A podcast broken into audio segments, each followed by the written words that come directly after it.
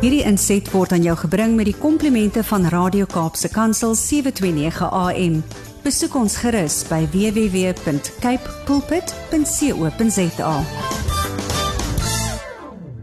Baie welkom, dis Kaapse Kansel in die program Leefstyl. Ek is van hierdie twee vandag saam met jou en ons gesels oor sake wat ons mense met gestremdhede ten nouste raak in Suid-Afrika en ek is bevoorreg nou om te kan gesels met Tarina Wenzel Sy is die nasionale direkteur van die Nasionale Raad van vir persone met gestremthede. Trina, baie welkom hier by ons program. Dankie Fani, dit is baie lekker om weer by julle te wees na 'n redelike lang tydjie, maar ek luister daarom vir julle. Wonderlik, Trina. Jaarliks is daar altyd sterk fokus sekere maande wat fokus op die kinders met gestremthede en uh julle by die Nasionale Raad doen natuurlik geweldige werk in hierdie verband om rondom rondom kinders met gestremthede. So daar's programme wat jy het en projekte wat jy het om kinders met gestremthede te help. Kan jy vir ons 'n bietjie 'n paar noem wat belangrik is vir die breë gemeenskap om meer te weet? Van ja, ek sal graag 'n paar noem. Ja, ons ehm um, werk baie hard reg hier 'n jaar wat betref ons ehm um, programme vir kinders met gestremthede. Maar natuurlik plaas ons in Kindermaand wat ehm um, nou Oktober is en dan die eerste week van November baie baie sterker klem daarop omdat dit dan ook internasionale um kinderregte dag is die eerste deel van Oktober ag van November. En natuurlik is November die maand vir regte van gestremdheid um maar dit is 'n nasionaal af, afgekondigde maand oor gestremdheid. So hierdie tyd van die jaar is eintlik 'n wonderlike tyd om uit te reik na mense en te sê gee vir ons 'n handjie, maar ook vir ons om dankie te sê vir mense wat al lank al hand gee. So ons ehm um, ons het byvoorbeeld nogal hierdie jaar opgewondenheid oor die deurbraak wat ons hoop amper aan die gebeur is. Ons het vir 'n hele paar jaar ehm um, wel ons het in 2017 begin en COVID het ons 'n bietjie teruggehou maar dit het nog steeds aangegaan. Het ons kinders die name van kinders bymekaar gemaak en toestemming van ouers gekry wat 'n reuse taak was want mens moet fisies na mense toe gaan en ook in landelike gebiede. En ons verenigings vir persone met gestremdheid landwyd het ons gehelp. Inligting ingesamel oor die klomp kinders met gestremdheid wat om een of ander rede nie in skole is nie. En veral kinders wie se ouers wel aansoek gedoen het by skole maar om een of ander snaakse rede weggewys is. So dit bevestig natuurlik nou wat die statistiek wat al lankal bekend is dat daar meer kinders met gestremdheid buite die skoolstelsel is as binne die skoolstelsel. En ons as nasionale raad vir en van persone met gestremdheid het toe met outisme en down syndroom hande gevat.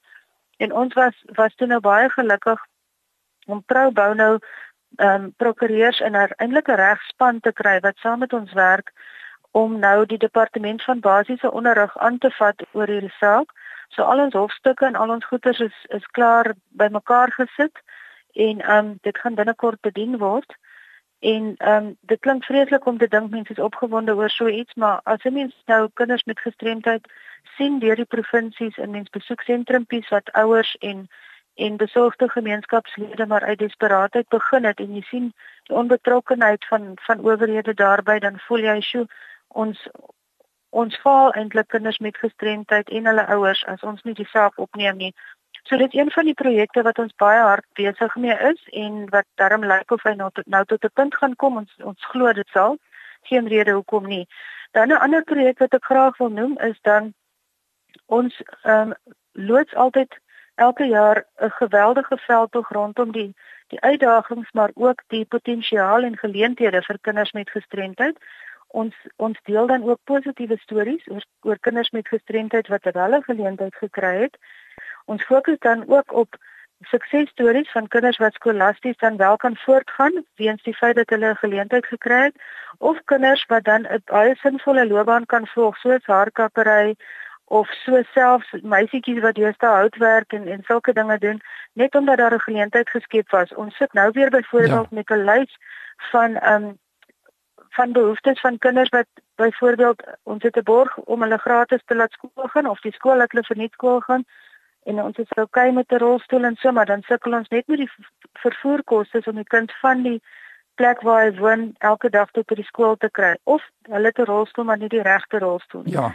So dan bespreek ons al hierdie goed wat wat nou te doen het met die potensiaal wat kinders het as hulle net die geleentheid kry. So ek sou dit amper wou ring ringfence as die tweede projek wat landwyd loop. Ja, dis dis regtig prysenswaardig Terina Terina Wenzel van die Nasionale Raad van vir persone met gestremthede in Suid-Afrika wat met ons gesels oor die baie belangrike saak en dis kinders en kinders met gestremthede. Natuurlik Terina, jy noem dat die hofsaake en regse ding wat ter sprake is, maar onthou ook, mense moet ook dan kennis neem die wetgewing bestaan en as ons nie die wetgewing gebruik nie, dan eh, bly ons ja. ook in gebreke om die saak wat so belangrik is na vore te bring.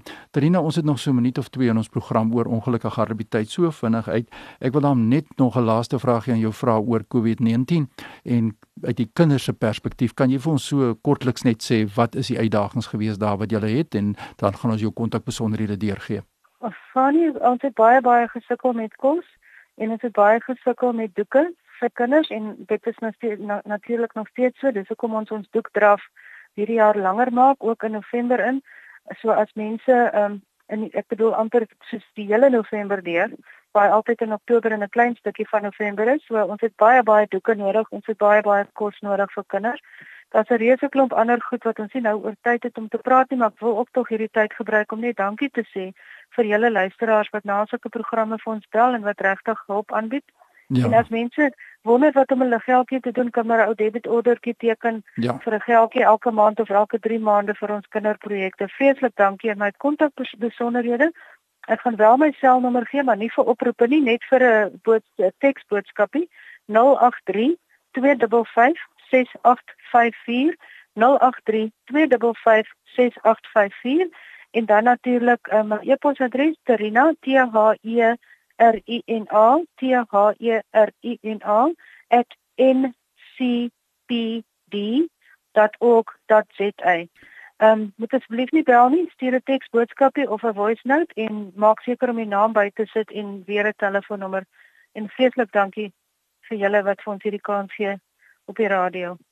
Trina, ja, jou telefoonnommer 08325568 54 Trina Wenzel die nasionale direkteur van die nasionale raad van en vir persone met gestremthede. Trina baie dankie dat jy dit ons deel het en ons stap saam met julle hierdie baie belangrike pad. Ons gaan ook in 'n volgende program bietjie gesels dan ons kyk na toeganklike vervoer en die uitdagings wat daarmee gepaard gaan. Maar baie sterkte vir jou werksamehede Dankie Fani ons waardeer baie hoor Ja, dankie dat u saam met ons gekyk het vandag. Ek is Fanie de Tooy en ek het saam met jou gesels hier in Leefstyl hier op Kaapse Kansel en tot ons weer gesels groetnis.